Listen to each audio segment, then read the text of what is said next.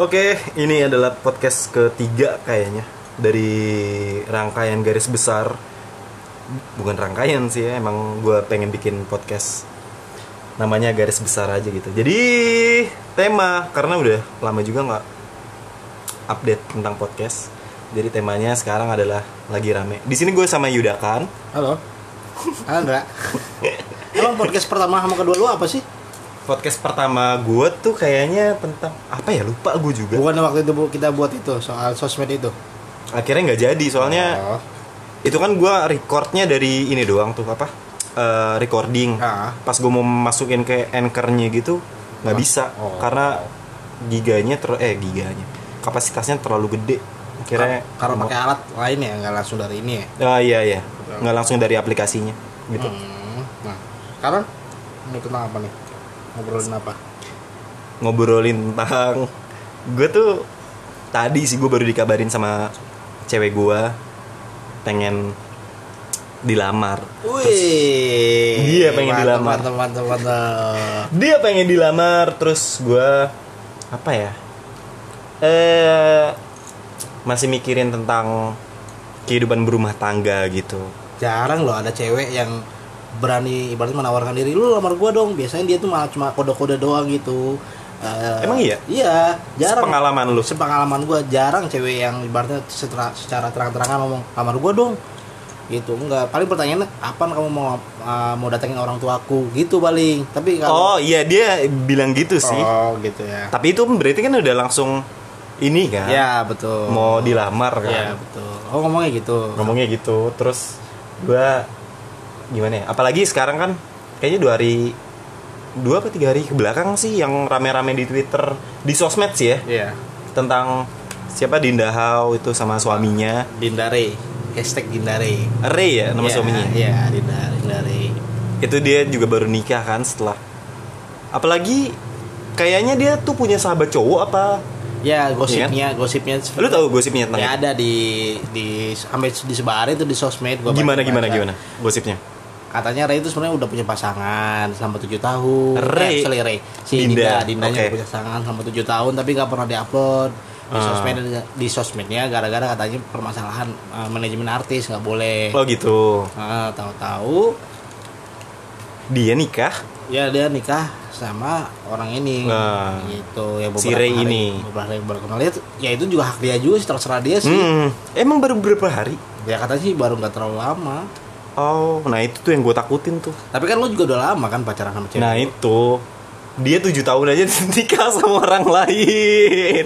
Saya empat tahun tapi Aduh. tapi cewek lu nggak ada pilihan lain selain lu? Apa lu nggak tahu? Ada sih. Dia dia cantik juga. Terus juga gimana ya? Gue kan sama dia kan juga beda kan? Apa beda Beda agama. beda agama Oh, gitu. oke. mungkin dia mau nyari yang eh, seiman apalagi secara umur juga dia. Atau dia pengen emang lu jadi Islam aja biar dia dapat pahalanya gede. Bisa jadi. Iya kan? Bisa jadi pahalanya ya pahalanya orang Islam bisa masukin orang masuk Islam tuh seperti ngasih eh, pahalanya setara dengan eh, matahari terbit. Bisa bikin matahari terbit gitu? Iya. wow. Itu pahalanya katanya. Nah oke oke. Jadi nggak tahu sih. Menurut gue lu juga belum berumah tangga ya. Tapi lu nggak pernah di upload di sosmed kan cewek lu? Apa jarang? Apa pernah beberapa kali doang? Pernah beberapa kali tapi ya biasa lah namanya anak muda kalau misalnya lagi berantem pasti arsip arsip Oh, gitu gitu tapi masih ada berarti ada Iya sih. ada di arsip doang. Eh cewek lu tuh masih sama yang waktu itu datang di Street gak sih waktu itu? masih? Ya yang- iya iya Itu iya kan? itu itu itu dia orangnya. Yang fotonya lu gandengan tangan itu kan? iya betul sekali. Gua ya foto itu. iya betul betul betul. Iya pantesan waktu gua ngupload lu bilangnya masih ada aja foto gua. Gua pikir itu foto sama lu. Ternyata yang lu yang foto ini ya masih sama dia. Empat tahun berjalan kayaknya dia pacar paling lama dan udah gua banget lah gitu. Tapi lu ada ke- kekhawatiran gak sih upload-upload di sos- sosmed itu? Orang pada pada eh, komen gitu soal relationship lu dan lain-lain itu kan yang dikhawatirkan ketika orang upload eh, relationshipnya di sosmed. Hmm, Lu? hmm.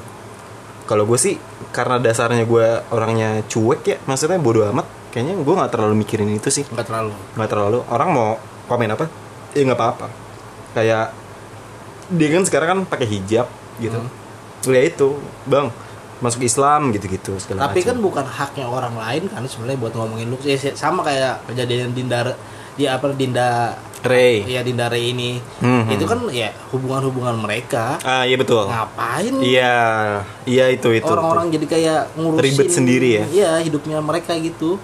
Ya nggak tahu ya. Kayaknya sekarang trennya tuh banyak orang yang suka ngomongin kehidupan orang lain. Gue nggak tahu juga masalah kebebasan berpendapat atau karena sosial media sekarang? Tapi kan ibaratnya kalau misalnya ngomong ngomongin secara personal orang-orang kan nggak mau dia relationshipnya ngomongin sama iya orang. pasti pasti. Sampai ada omongan tet- tetangga julid yang kalau misalnya lu belum nikah diomongin lu kan nikah kapan? Iya, iya, Udah iya. nikah kapan punya anak? Iya. itu kan jadi kayak semacam tetangga julid pindah ke twi- twitter doang ah, gitu. betul betul betul betul betul. Gimana dong? Berarti kan ya double standar apa apa emang udah biasa di dunia ini double standar Bi- udah biasa. Apalagi di sosial media sekarang tuh kita kan nggak perlu kenal secara personal di real life kan. Mm-mm. jadi semuanya tuh orang-orang dengan berbagai macam pikiran latar belakang pendidikan atau segala macam itu bebas berpendapat tentang suatu hal.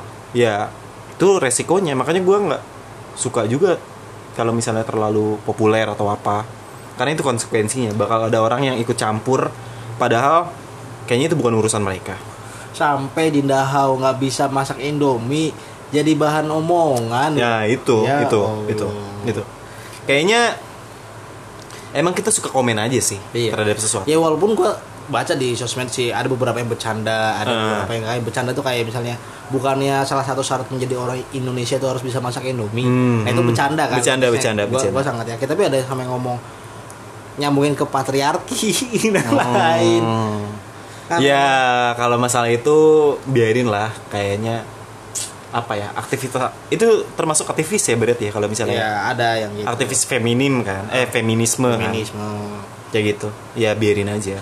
Soal feminisme ada kemarin ramai banget di Twitter. Tentang Eh, ada cewek yang nanyain temennya cewek lagi. Oke. Gue udah, udah di lokasi nih. Lu datang sini jam berapa? Terus temennya yang itu yang lain yang di chatnya jawab setengah sembilan ya. Oke. soalnya gue ngasih nyiapin makan buat bokap gue hmm. dia ngomong hari gini masih nyiapin makan buat bokap. Lu produk patriarki banget sih ah, ah, ah, ah, ah, ah, ah. aneh banget kan lu harus bisa bedain mana patriarki mana berbakti sama orang tua iya ya kan iya iya iya iya kayaknya Iya. sekarang jadi apa ya gua nggak tahu jadi melebar ya mi- misogini sih iya iya kayaknya agenda feminisme udah terlalu ada beberapa orang yang udah terlalu melebar gitu Iya. sampai nggak mikirin aspek-aspek kayak berbakti sama orang tua atau kultur itu kan Iya. termasuk kan segala macam aneh banget sosmed Ya, yang waktu itu orang nyiapin bekal buat suami Iya. aja rame kan.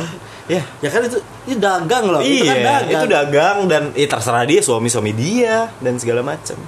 Kalau gue sih emang nggak nggak nggak suka terlalu berpendapat sama hal-hal yang lagi rame sih karena menurut gue gue tuh selalu mikir ya. Gue selalu mikir kalau misalnya lu nggak suka berpendapat terhadap hal-hal itu tapi lu nggak nggak nggak mengapakan orang-orang yang berpendapat terhadap nggak mengapakan nggak mengapakan. Tapi ini sisi sisi gua ya. Sisi pemikiran gua. Gue tuh percaya kalau setiap orang tuh pasti punya negatif thoughts sama positif thoughts kan. Iya. pemikiran positif sama pemikiran negatif. Emang kadang-kadang ada pemikiran negatif gue yang bilang orang-orang yang kayak gini tuh apa sih pengen berkomentar lah Iya, gua. betul, pengen betul. berkomentar pengen berkomentar. Tapi setelah gue renungin dikit ini sering kejadian. Gue pengen nge-tweet sesuatu segala macam terus gue renungin dulu sebelum gue tweet itu. Hmm, ini kira-kira berpengaruh nggak sama gue secara personal? Kira-kira dampaknya apa nih ke gue ada sesuatu yang bisa gue dapat atau enggak Hmm. atau gue cuma mau caper doang hmm. terus gue mikir lagi ah gue mah caper doang ini mah akhirnya nggak jadi gue tweet gitu Hmm. jadi eh gue ngerasa kayaknya banyak negative thoughts dari orang-orang tuh yang nggak difilter dulu Hmm. jadi kita ngelihat di sosial media itu ya udah banyak negative thoughts yang nggak dipikirin kayak gitu-gitu padahal gue yakin masih ada sisi positifnya nggak serta merta pemikirannya itu pure kayak gitu gitu Tapi kan eh ya sosial media ya mem- memang tempat orang mengekspresikan segala sesuatu. iya betul makanya itu gue nggak menyalahkan juga nggak nggak menyalahkan mereka berpendapat kayak gitu Tapi kenapa nggak bisa agree to disagree aja gitu? Kalau lu nggak nggak setuju sama pendapat orang ya udah, gue setuju. Tapi gue nggak nggak setuju aja udah. Ya udah gue setuju pendapat lu ya boleh lu pendapat tapi ya udah gitu selesai gitu kayak eh poin poin gue yang gue yakini mereka berpendapat agree to disagree tapi masih berdebat gitu. Hmm, ya itu. Mereka demen berdebat aja. Oh udah bener demen berdebat aja. Gue yakin juga walaupun dikasih apa ya eh, masukan atau insight dari yang berlawanan pemikiran itu mentah aja udah. Itu kan berarti kan di- agree di disagree juga kan? Nah, bukan mencari diskusi ah diskusi yang sehat. sehat. Cuma pengen ngomongin bahwa gue benar. Ah betul. Menyampaikan pendapat dia ya, nih menurut dan gue yang benar kayak gini dan- nih ya kayak gitu. di Twitter tuh lucunya kalau berdebat kenapa harus pakai bahasa Inggris sih? Ya nggak tahu ya. Mungkin ada keyakinan kalau pakai bahasa Inggris tuh eh, keren aja gitu hmm. kayaknya tapi gue juga kadang-kadang pakai bahasa Inggris sih kalau gue nggak menemukan padanan kata yang tepat Iya, untuk padanan kata yang tepat. Tapi Iya, kalau iya. misalnya untuk beberapa diskusi yang awalnya ngomong pakai bahasa Indonesia terus Iya. tiba-tiba pakai bahasa Inggris tuh, gue tuh cara pribadi itu kalau ngerasa offend ya Eh, keserang gitu maksudnya enggak, atau gimana enggak, gue kayak gue baca, gue Hmm. baca pendapat orang lagi lagi diskusi, terus tiba-tiba mereka ngomong pakai bahasa Inggris terus gue ngomong ya buat apa? Gitu. Awalnya pakai bahasa Indonesia. Iya. tiba-tiba ke bahasa ke bahasa Inggris. Dia mungkin pengen bilang bahasa Inggrisnya bagus mungkin. Ah. kayaknya. Gue balik, balik lagi deh soal Pernikahan. soal pernikahan. Nggak tahu gue juga. Tapi lu udah yakin sama sama yang ini? Sa- yakin saya yakin yakin ya sih banget. karena apa ya? Ya perlu pernah bilang bahwa lu saat ini bukan mencari sosok uh, perempuan yang untuk diri lu tapi untuk Iya. anak-anak lu kan? Iya, betul, dan betul. menurut lu cewek lu ini adalah wanita sosok yang tepat. sosok yang tepat. Dia eh, bersih dia bisa ngedidik anak dia sayang anak kecil bisa lah ngurus pengen, apa ya? pengen anak kembar nggak cewek lu? Nggak nggak tahu. Ya kita itu aja. Pokoknya intinya dia sosok yang tepat lah. Eh, cocok untuk ibu dari anak-anak gua. Oke berarti lu udah merasa bahwa cewek lu ini udah adalah sosok yang tepat. Iya. Pertanyaannya adalah apa yang bikin lu ragu untuk mengiyakan ngomong ya ntar gue datang ke orang tua lu gitu? Apa ya yang bikin gua ragu ya? Sebenarnya kalau misalnya dibilang ragu tuh masalahnya kompleks sih. Dari agama pasti. Hmm. dari agama itu pasti karena hmm, ya perbedaan kan. Itu satu. Yang kedua gue masih punya banyak mimpi yang pengen gue raih gitu. Memang dengan menikah mimpi lu akan hilang. seenggaknya gue lebih bertanggung jawab sama keluarga gue lebih bertanggung jawab mungkin mungkin ya idealisme gue akan hilang Bukannya ini dari sudut pandang komik ya. Oke. Ketika lu menikah tuh Oke. lu menghadap em, masuk ke fase baru dalam hidup. fase baru yang bisa jadi materi Bukan cuma materi, Ah. sudut pandang terhadap segala segala sesuatu. Lu materi mungkin bisa, lu, Iya. dan lain itu Iya. bukankah itu suatu hal yang positif? positif memang tapi untuk form gue yang sekarang tuh gue sangat menikmati dan kayaknya gue pengen ini masih bertahan cukup lama gitu. Dari segi pembahasan atau sudut pandang gue tuh orangnya sangat sangat menghargai kemerdekaan. Kemerdekaan sebagai manusia ya. Lu bebas ngomong apa pun lu bebas melakukan apa pun lu bebas berpendapat apa pun. Gue seneng kebebasan itu dan kalau misalnya gue menikah mungkin emang lu masih bisa kok Ndra kayak gini kayak gini kayak gini. Iya memang. Mungkin gue masih bisa tapi ada sisi di diri gue yang ya keterikatan kan? Iya. Lu udah punya keluarga lu kayak gini. Lalu kenapa nggak kayak beberapa teman kita yang udah menikah ya? Contoh- contohnya Rere. Oke. Dia udah menikah tapi ya tetap aja dia eh, tetap bisa melakukan hal yang dia senangi. Ataupun Dewang atau Ica mereka menunda punya anak Hmm, hmm, untuk melakukan hal-hal yang mereka Mereka senangi. Gue tuh sama cewek gue tuh bertolak belakang sih. Nggak nggak apa ya, nggak satu satu apa ya, satu minat terhadap hal yang sama gitu. Banyak hal yang kita kontradiktif Hmm. gitu. Nah kalau misalnya menikah, gue takutnya itu kan jadi masalah baru kalau misalnya gue masih berpikiran kayak gue yang sekarang. Hmm. Makanya itu salah satu hal yang eh, jadi pertimbangan gue gitu. Tapi kalau misalnya mau nikah dan segala macem, dia orang yang tepat. Gue ya bukannya menikah itu emang menyatukan dua insan yang berbeda iya menyatukan dua insan yang berbeda tapi secara background gue sama dia juga beda dan secara minat juga banyak hal yang gue lakukan yang dia nggak setuju gitu atau Contohnya? banyak pertentangan misalnya dia su- suruh gue upload video atau bikin konten. Tapi kan gue kan banyak pertimbangan tuh. Gue tuh kalau misalnya bikin sesuatu tuh semau mau gue kalau misalnya asal-asalan atau kayak gimana kayaknya gue nggak nggak mau gitu. Kalau dia tuh ya udah upload aja atau bikin aja apa kayak gitu biar ada kerjaan gitu kan kalau cewek kan. Hmm. eh kalau dia lah. Gue ngomongin cewek. Kalau dia lah. Makanya sering berantem masalah kayak gitu gitu gue kasih penjelasan sih gue kalau mau bikin sesuatu tuh banyak pertimbangan gitu. lu berarti selama empat tahun lebih pacaran ini sering putus nyambung? Sering putus nyambung. Sering putus nyambung. Sekarang udah nyambung lagi? Nyambung lagi. Karena emang gimana ya? Yang minta balikan siapa? Lu atau dia? Apa tiba-tiba ya nyatu lagi aja gitu? Tiba-tiba nyatu lagi tapi kebanyakan gua gitu. Ya karena emang gue sayang banget sama dia gitu. oh Gila, gila lah. Gue tuh nggak gampang ngebuka hati kayaknya. Bukan- Pemikiran gue buat ngedapetin sosok perempuan tuh banyak layernya kayak bawang gitu lah pemikiran gue tuh harus ini dulu ini dulu ini dulu ini dulu ini dulu baru sampai buka hati sulit ya Iya. buka celana gampang ya enggak enggak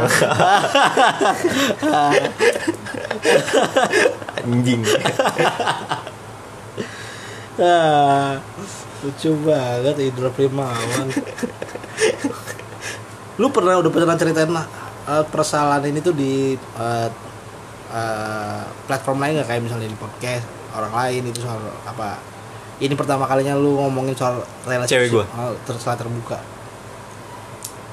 Eh, enggak. Gue kalau di platform lain atau di konten YouTube orang kayak waktu itu sama Ate Hmm. gitu gue cerita tentang pengalaman pahit dalam pacaran aja gitu Hmm. kalau untuk hal-hal yang sekarang yang kejadiannya masih recently gitu masih baru-baru ini gue nggak cerita Waduh. kayaknya baru ini pendengar pendengar spesial banget nih orang-orang yang tahu lu ya kayak gini nih soal oh di perlu iya gitu. iya iya Eh. iya, iya, iya. Oke, oke, oke. kayaknya soalnya gue tahun depan juga mau mau show tentang relationship gitu kayaknya gue udah berdamai sama masalah Oh. itu gue udah berdamai dengan masalah eh, masa lalu tentang percintaan atau rekam jejak gue sebagai seorang primawan Berarti spesial lu yang terdepan ini spesial yang lebih spesial banget ya dari spesial lu yang lain.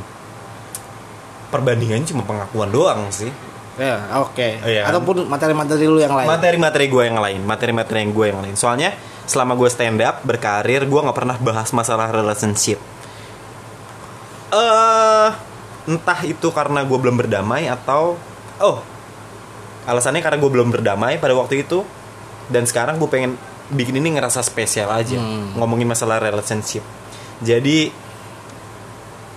gue satuin di dalam sebuah show gitu makanya gue pengen bikin stand up show tentang relationship biar ada sudut pandang yang lain oh ternyata Nah, cewek lu nonton. mudah-mudahan nonton mudah-mudahan Emang ngasih nanti sampai sana. Emang masih. ya Ya. kita berdoa aja gua berdoa aja semoga masih dia masih Amin. bertahan dan Berapa sih cewek lu umurnya?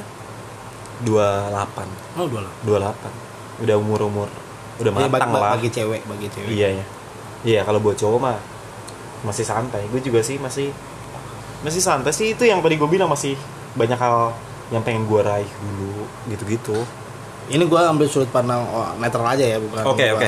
Gimana? Eh, emang lu nggak yakin bahwa nanti suatu saat bahkan ada cewek lain di masa depan Hah? yang lu belum tahu? Hmm? ketika lu udah ha- habis di masa lu pengen senang-senang di dalam masa lu eh yang menghabiskan waktu masa muda lu oke. eh, bakal nemu nanti di masa depan nih. Misal bukan cewek yang ini nih lu nggak yakin bakal nemuin yang yang mungkin better daripada dia? Gue sempat mikirin hal ini sih. Terus? Tapi gimana ya? Gue percaya cinta itu cuma bertahan satu atau dua tahun. Sisanya adalah komitmen. Hmm. sisanya komitmen. Gue udah mengkomit diri gue sama dia gitu. Gue kayak nggak mau ngebuka lembaran baru sama yang lain karena udah terlalu banyak kenangan udah terlalu banyak hal-hal yang sifatnya personal yang gue kasih tahu ke dia. Banyak banyak hal yang udah gue gak pernah cerita ini ke orang lain dan segala macam gue cerita ke dia. ini lu cuma capek aja untuk mulai hal yang capek baru kan? betul. Capek. Dan gue juga nggak terbuka ke semua orang kan? Gue nggak mau terbuka ke orang-orang yang baru nggak semudah itulah nggak semudah itu buat ngebuka sisi gue yang personal. Soalnya orang-orang taunya ya udah gue cuek atau kayak gimana padahal ada sisi-sisi yang kayak masalah. Gue nggak nggak mau cerita ke semua orang. Gue lebih mending mendem sendiri. Tapi kalau gue nggak kuat mungkin gue akan cerita tapi ke orang yang tepat menurut gue berarti cewek lu tahu ketika lu eh, dapet kasus soal fuckboy itu? Tahu. Nah gimana tahu. itu itu eh, respon cewek lu ya marah lah jelas lah. Hmm? marah jelas tapi ya marah lah dan udah banyak apa ya banyak salah lah gue sama dia gitu. Banyak salah. Makanya kayaknya dia the only one gitu yang mau men Menerima. gue nggak tahu ya Hmm. dia mau menerima atau enggak sih? Nggak tahu. Nah pertanyaannya menurut lu sendiri kenapa dia mau menerima lu dari segala hal yang udah lu lakuin ke dia? Nggak tahu. Lu tanya dia aja. Lu tanya dia. Nggak tahu gue gue nggak tahu gue gue nggak tahu. Soalnya kan masalah masalah hati itu kan nggak bisa dipakai logika ya. Kalau Hmm. misalnya dipakai logika tuh gue tuh udah anjing banget gitu. Udah udah nggak bisa diterima lah maksudnya ya gitulah. Pastilah. Secara logis. Udah nyakitin dia banyak dan segala macam tapi pada akhirnya semua itu kan dibantahin sama perasaan dia ke gua. Makanya kalau pertanyaan kayak gitu tanya aja gitu. Gue juga nggak nggak pernah nanya sih. Karena gua nggak mau ngulang memori trauma dia tentang Hmm. masalah itu. Oke. Gitu. Dan yang salah satu salah satu hal yang bi- biasanya bikin orang nggak bisa move on adalah kedekatan terhadap keluarga Hmm. Ya kan? Hmm. lu udah deket sama keluarga dia gue nggak deket sama keluar bukan nggak deket sih gue pernah main keluar rumah dia cuma gue tuh sayang sama ponakan ponakannya dia dia Hmm. sering ngirimin ponakan ponakannya dia gue sering eh gue pernah main sama ponakan dia juga Hmm. gitu kalau sebaliknya enggak sih dia nggak tahu keluarga gue tapi pernah ketemu nyokap gue sih dia. Di? Di mana tuh? Di rumah gue oh pernah datang ke rumah lu? Pernah datang. Dia satu-satunya cewek yang pernah gue ajak ke rumah. Dia satu-satunya iya cewek. Anak-anak stand up juga nggak ada yang pernah ke rumah gue kan? Oh, iya? iya nggak ada. Nggak ada. Karena juga bukan rumah gue itu. Makanya- iya iya. makanya lu ngekos sekarang iya ya betul sekali. Oh, berarti ya, dia satu-satunya. Maksudnya iya kan? Yang tadi gue bilang masalah apa gue udah eh, banyak pengalaman banyak perjalanan gue sama dia. Dia satu-satunya orang yang gue ajak ke rumah ketemu sama nyokap gue main ke rumah gue gitu-gitu. Sangat-sangat personal. Dan makanya cewek gua- lu sendiri ini juga nggak pernah lu bawa ke dalam circle stand up sampai ke dalam ya? Nggak pernah nggak ya? pernah. Paling ini lingkungan gue kayak gini udah Iya. gitu doang. Karena gue gimana ya gue nggak suka sih sejujurnya gue nggak suka Kenapa? dari dulu sih Oh. dari dulu dari Gak suka cewek masuk ke circle stand up, li- circle gue circle lu. ke circle gue gue nggak suka Apa pun, apa pun circle. Apa pun, apa pun Emang circle circle. lu di luar stand up apa Andra? nggak ada sih nggak maksudnya walaupun walaupun toh misalnya gue nggak di stand up nih misalnya Iya, iya, iya. di kerjaan kayak kantor atau apa dia cukup dat gue ajak sekali doang nih lingkungan gue kayak gini Hmm. udah itu doang nggak yang kayak sering gue ajak nongkrong atau kayak gimana karena gue tuh lebih menghargai hubungan yang personal Personal. personal gue sama dia aja yang ngejalanin gitu Hmm. jadi kalau misalnya ada yang macam yang apa intervensi dari lingkungan gue gimana ya jadi nggak ngeribetin aja gitu Oh, oke. kayak gitu aja makanya gue nggak pernah. Tapi dia tahu circle gue dia tahu lu dia tahu anak-anak. Sering gue ceritain juga nih gue lagi sama Yuda gue lagi sama anak-anak Erwin si Cempe gitu-gitu. Hmm. dia tahu anak-anak itu. Berarti cukup sekedar tahu aja. Eh, dia sendiri pernah upload foto lu nggak di sosmednya dia? eh pernah pernah. Pernah? pernah Pernah. pernah. Tapi dia nggak terlalu aktif juga di Instagram. Nggak terlalu Di aktif. Facebook aktif. di Facebook aktif. Di Facebook aktif. Karena pembeli kelincinya dia banyak kan dari Facebook. Oh. dia kan jual apa? Kelinci gitu. Oke. jadi pengusaha kelinci. Nah itu gue gue suka tanaman. Gue udah bayangin kalau misalnya gue nikah sama dia pengen punya perkebunan. Waduh. pengen punya peternakan gitu-gitu gue udah ngebayangin hal-hal yang udah jauh udah jauh iya Oke, oke, oke. udah jauh soalnya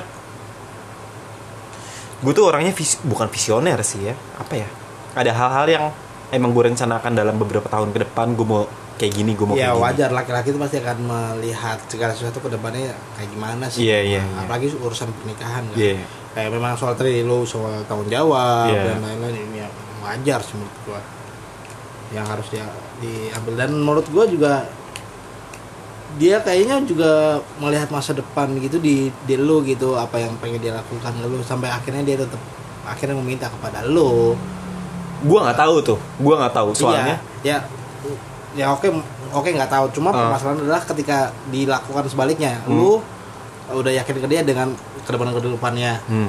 Pun Hmm. dia kan nggak mungkin nggak nggak ngeliat ke masa depan kalau eh, tiba-tiba meminta lu kapan datang ke eh, rumah orang tua gua? Iya. tanpa dia melihat ke masa depannya gitu kan.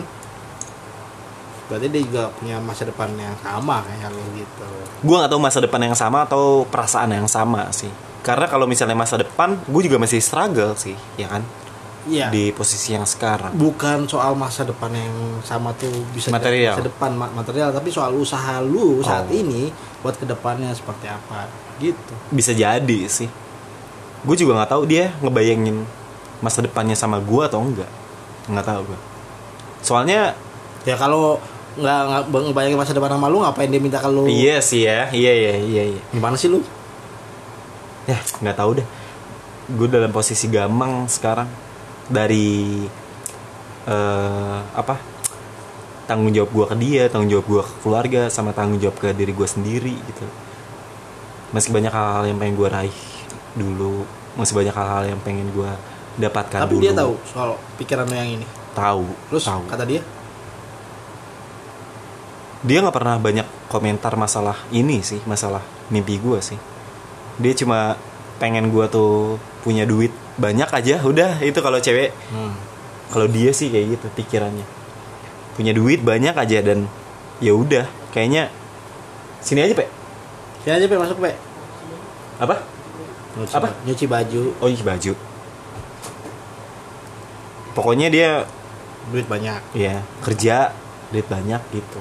Kalau gue kan kepuasan gue dari karya tuh apa ya ya udah kalau misalnya ada yang menikmati kalau masalah uang atau apa nanti lah. Gue spesial lu nanti yang nanti tuh akan menjadi modal lu nikah atau enggak? Maybe. Maybe. Mungkin. Mungkin akan jadi modal gue nikah. Tapi yang ada di bayangan gue adalah di sis- di samping material ya. Ini akan jadi spesial yang sangat menarik sih. Woi. Iya, iya. gue berani jamin. Soalnya di pengakuan kemarin kayaknya udah cukup naruh standar. Menurut lu gimana? Pengakuan kemarin tuh? Apa? Personal. Gue gua gua terima semua kritikan dan semua eh, hal-hal negatif. Ya secara stage panggung secara konsep ya memang ko- secara konsep ya. Oke. Ya emang udah juara? Udah udah standar yang berbeda dibanding Oke. uh, komik-komik lain. Oke. Tapi? Nggak ada tapi. Oh. kalau soal materi kan gue nggak bisa ngomongin lu lebih ya? daripada sesuatu yang lain yang objektif kan. oh enggak gue tuh nggak suka dibanding bandingkan Iya. memang Eh.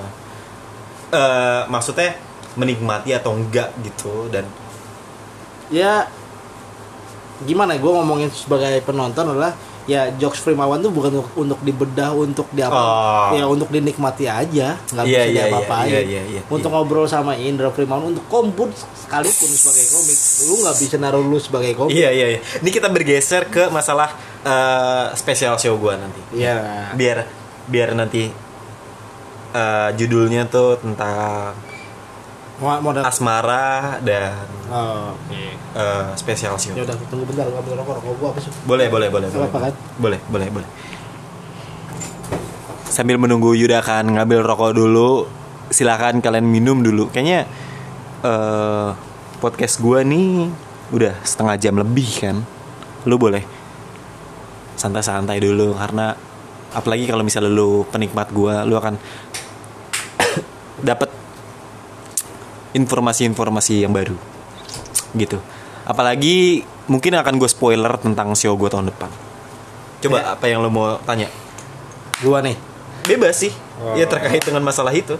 Masalah space. Iya iya tapi yang gue janjikan itu eh, show tahun depan itu akan jauh lebih spesial dan ada pandangan secara personal yang Hmm, akan yang gue ceritakan. soal relationship ya ketika eh, orang-orang nggak pernah dengar jokes lu soal relationship, Iya betul. lu bakal bahas ini. Betul.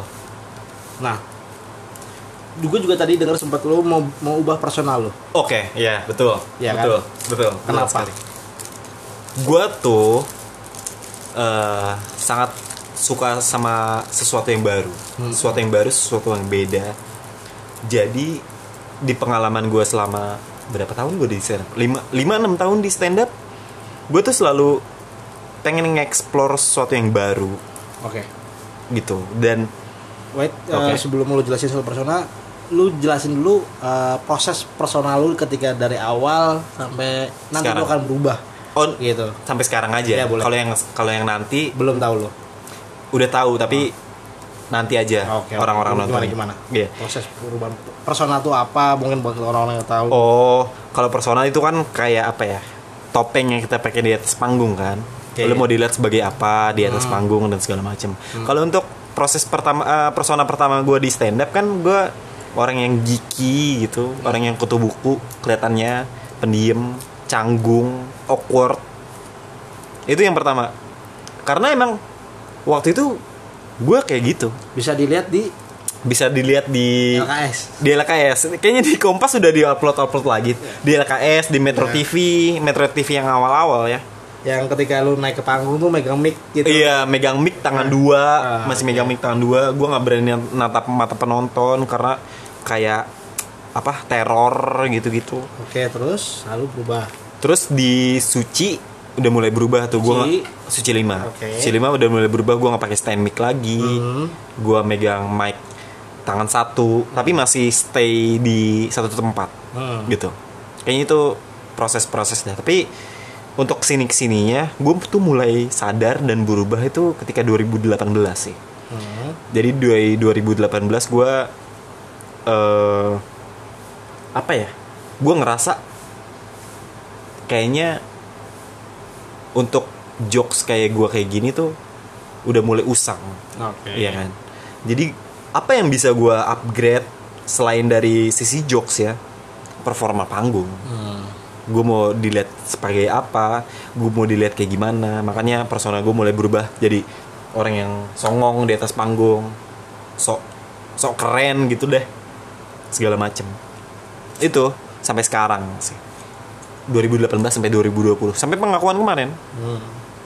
mungkin lu ngerasanya gimana pas di pengakuan kemarin tuh? Persona gue pengen nunjukin siapa lu aja. Oh gitu. Bukan bukan sengak gitu ya?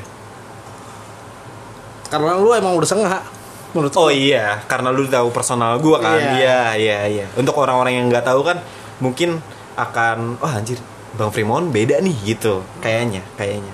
Iya karena lu udah tahu gue emang gue sengak gitu dan nanti di ke depannya kan beberapa minggu terakhir tuh gue sering upload jokes Frimawan kan di Hmm. Twitter eh di Twitter Instagram sih Iya.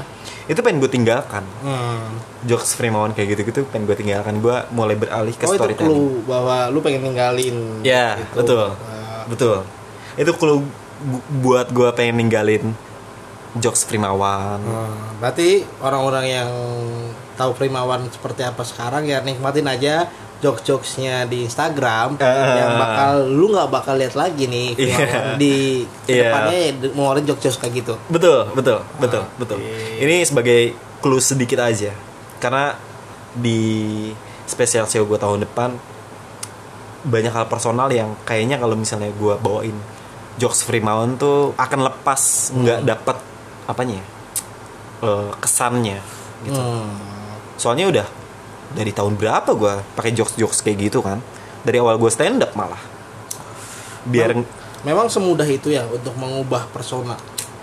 Karena menurut gua menurut gua pribadi ya Mhm.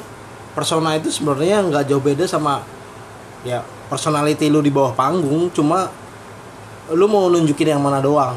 Betul betul betul. Gitu. Cuma permasalahannya ada beberapa ya beberapa orang yang ya akhirnya persona di atas panggung ya dialah di bawah panggung. Hmm, hmm, hmm. nggak berubah banyak gitu. Nah kebanyakan orang taunya gue tuh ngebanyol aja kayaknya ya kan? Ya udah ngelucu aja gitu. Nggak tahu sisi gue yang lain sisi gue sebenarnya gue mungkin kritis terhadap sesuatu atau gue mellow terhadap sesuatu atau gue nah orang-orang tahu nih di podcast ini nih. Ah, iya. yang tadi kan gue udah ceritain tuh. Gue mellow gue sayang keluarga gue sayang anak kecil. Itu. Itu yang pengen gue tunjukin lain. Hal yang lain di samping gue tuh sengak aja. Kemarin tuh gue gue tunjukin di pengakuan tuh gue orangnya sengak. Oke. Sampai ada nih jokes Frimawan kayak gini nih gitu. apakah format jokesnya pun akan berbeda kayak misalnya lu tiba-tiba jadi storyteller. Akan berbeda. Akan berbeda. Akan berbeda. Gue gue berani jamin akan berbeda dan eh gue nggak tahu ya. Walaupun gue storytelling tapi gue akan menemukan format baru. Mungkin format baru atau mungkin format yang gue banget di materi tersebut gitu. Jadi masih akan identik gitu deh. Hmm. identik dengan Frimawan gue udah menyiapkan hal itu dan sesungguhnya gue nggak sabar harusnya tahun ini sih tapi karena corona dan macam-macamnya harus ditunda tahun depan emang udah siap secara materi untuk materi belum siap tapi untuk secara konsep dan mental gue udah siap karena menurut gue itu yang penting sih Hmm. itu yang paling utama untuk bikin special show Menurut Kayaknya. itu? menurut gue karena banyak yang materi udah siap ada tapi eh, masih ragu-ragu atau kayak gimana. Kalau gue sih sejujurnya justru nggak sabar untuk stand up lagi untuk bikin special show lagi gitu. Keren lah pokoknya. Maksudnya oke berarti setelah nanti rel- relationship ibaratnya lu kan tadi ngomong lu ngomongin soal rencana masa depan. Oke. Lu akan ada sesuatu yang lain lagi nggak? Ibaratnya mau ubah personal lagi atau enggak? Iya. Iya. Masih ada lagi? Masih ada lagi. Gue tuh selalu pengen nge-explore diri gue yang lain gue tuh sangat percaya dengan apa ya manusia tuh berkembang. Hmm. gue sangat percaya itu dan kayaknya sering berjalannya waktu persona dan gaya materi stand up gue juga akan terus berkembang nggak stuck. Apakah dengan keputusan bak- akan mengambil show setiap tahunnya oke. itu berdasarkan dengan lu sukses di pengakuan Hah? lewat segala hal ya Iya. termasuk show-nya Iya. termasuk digital downloadnya Iya. apakah itu menjadi salah satu patokan Faktor. ya faktor termasuk lah termasuk, Termasuk. lah gue juga nggak menafikan kalau misalnya gue nggak butuh uang ya kan jadi buat para pendengar yang nggak tahu Primawan itu adalah salah satu uh, stand up komedian dengan show tersukses di comika.id. Gokil. Iya, iya kan, ya kan? iya, iya. kan? kayaknya kayaknya gitu sampai gue Salah satu. iya salah satu salah satu. tapi emang gue udah yakin sih maksudnya Tapi target lu ngalahin Panji Pragiwaksono kan? target gue ngalahin Panji Pragiwaksono karena eh apa ya patokan gue tuh bikin idola lu jadi dalam tanda kutip musuh lu Iya, gitu jadi saingan lu kan. jadi, Jadi rival, rival. lu ya itu gue selalu condong ke Panji pokoknya gue harus kejar dia Kenapa? sampai Ke Panji karena nggak ada yang lain selain Panji di Indonesia di stand up. iya di stand up di stand up Walaupun ini pengandaian aja ya. Oke. Lu butuh waktu 10 tahun untuk bisa kayak Panji, nggak masalah. nggak masalah buat gue Hmm. nggak masalah nggak masalah mungkin eh, Karena gua ngomong ini karena Panji butuh waktu berpuluh-puluh tahun di dunia Betul. di dunia radio. Ah, itu. Nah, itu. Di dunia entertain Nah, itu. dia membentuk dirinya seperti ini. Nah itu makanya karena gue nggak mengalami proses yang sama kayak Panji, Hmm. gue nggak pernah masuk radio, gue nggak pernah masuk kayak host acara apa pun. Hmm. Jadi gue harus maksimalkan di stand up aja. Jadi mungkin butuh waktu yang lebih lama. Tapi Gitu. lu yakin bakal bisa ngalahin Panji. Yakin gue, yakin yakinnya. Karena gue punya mimpi gimana ya? Mestakung. Mestakung, gue sangat percaya Mestakung, gue sangat percaya dengan vibes, energi gitu. Kalau misalnya gue yakin, pasti semuanya bakal kejawab segala macam. Pokoknya suatu saat gue pasti akan ngalahin Panji. Seenggaknya mungkin bisa sejajar sama dia deh. Atau mungkin gue akan bikin dia jadi opener gue. Mungkin. mungkin ya, Ya. kita lihat aja lah. Ada sih satu komik yang bikin Panji jadi gimmicknya ada.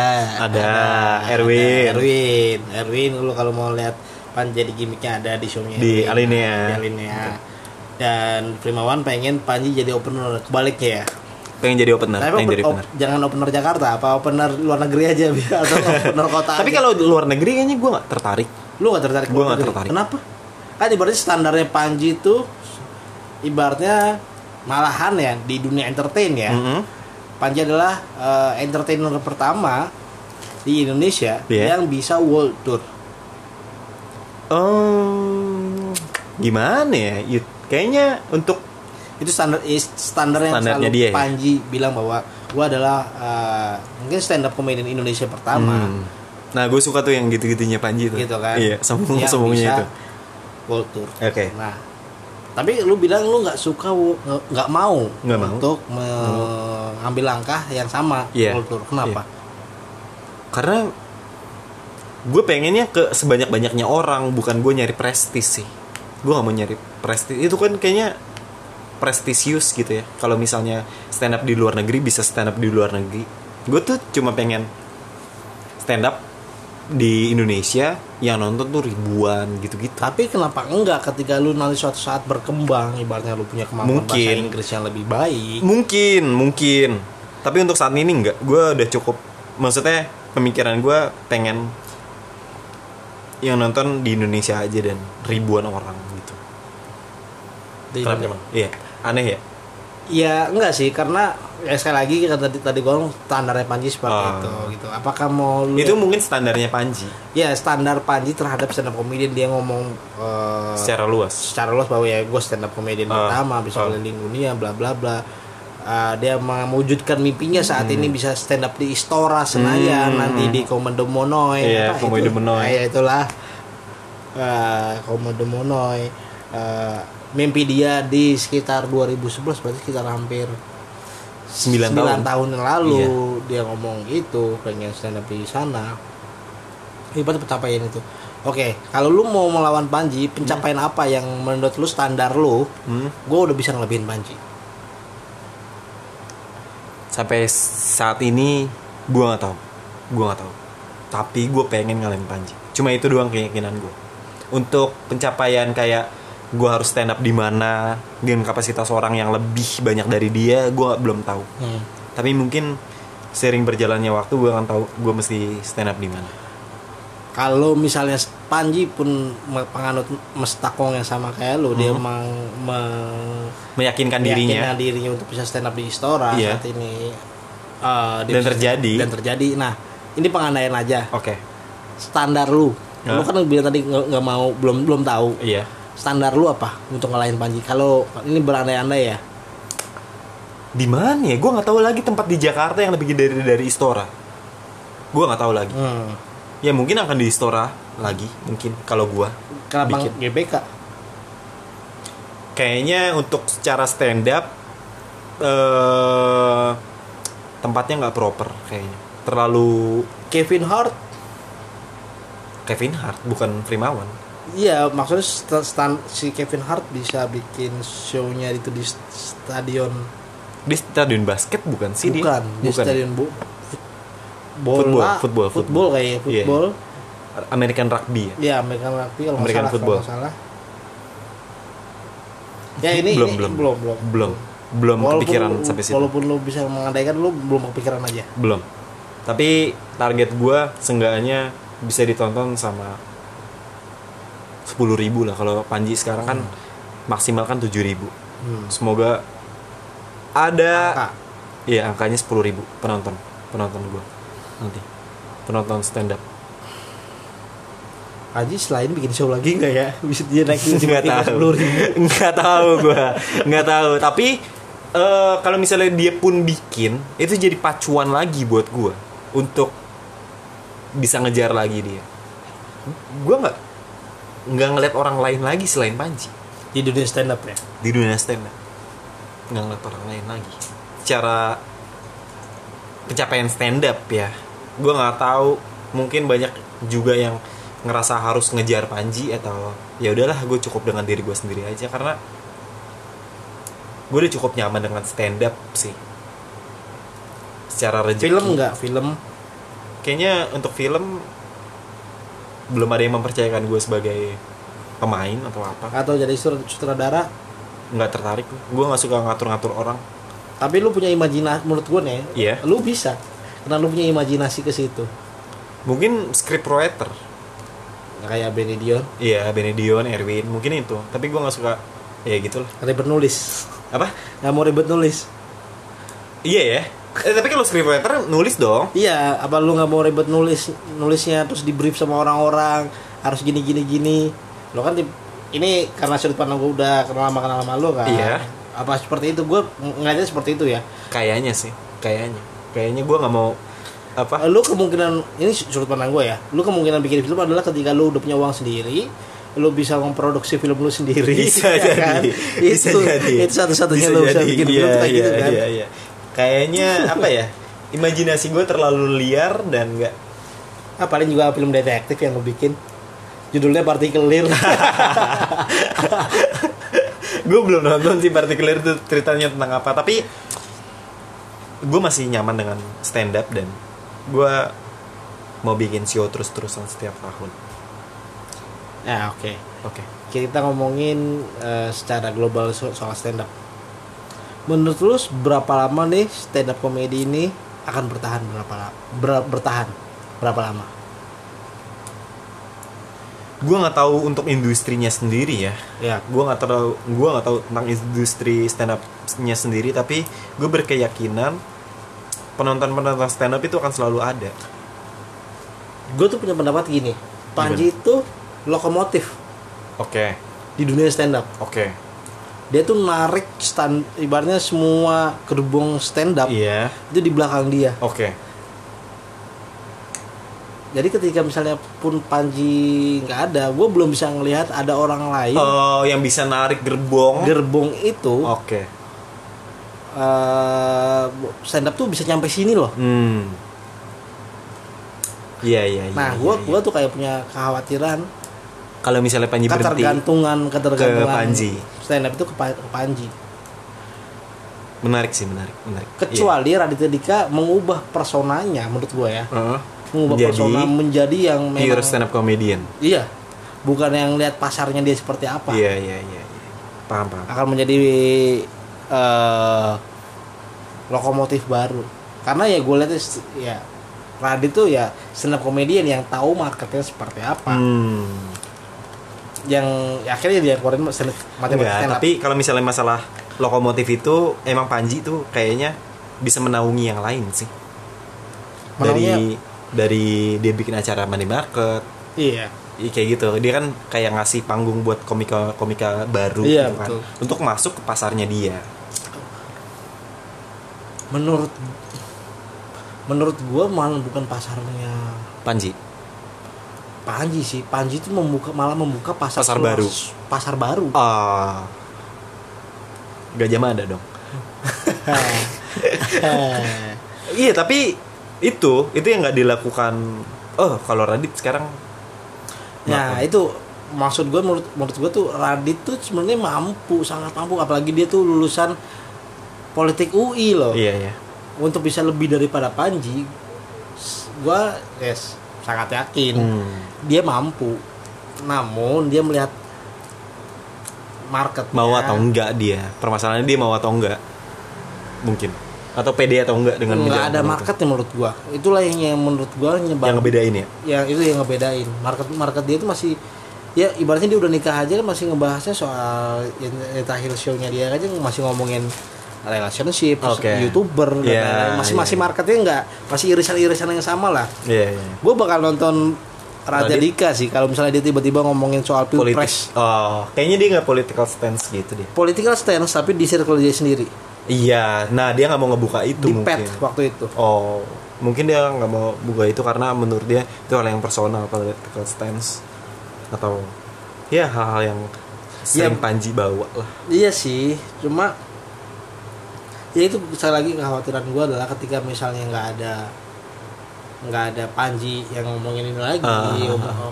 narik-narik stand up lagi, gue masih belum bisa ngelihat orang industri lain. oh ya mungkin gua nanti Amin. akan, Amin. akan kayak gitu Dulu gue sempet ngeliat ada satu orang yang bisa narik ini sih, siapa uh, Semi. Semi Nota Slimboy. Bukan dari segi materinya aja ya, tapi dari segi kemampuan dia dalam segala Berdialog hal gitu berdialog ya, ya. dalam segala hal Bang Semi Nota Slimboy. ya kita lihat aja lah kayaknya gue yakin Panji pun seneng stand up dan eh, akan terus berkarya dan Iyalah jelas lah orang penghasilan digital downloadnya melebihi semua penghasilan penghasilan yang dia miliki. Itu rahasia ya. Jadi kalau kalian tahu kenapa Ya. sering, sering promosi comika.id ya karena penghasilannya besar sekali. sangat ya oke lah gue udah merasakan dampak dampak lu itu. sendiri udah ngerasain dampaknya jadi ya gue juga sebenarnya gue juga pengen sih pengen kayak gitu ya pengen harus lah menurut gue itu jadi apa ya bisa jadi pegangan lu dan eh apa ya kebanggaan sendiri aja kalau misalnya lu punya album. Iya sebagai seorang stand up comedian itu sih. Iya sih cuma ya ya dihajar mimpi gue diajar realita kali. Ya gue mah Diajar cita-cita, diajar realita. eh ada yang ngomong aja.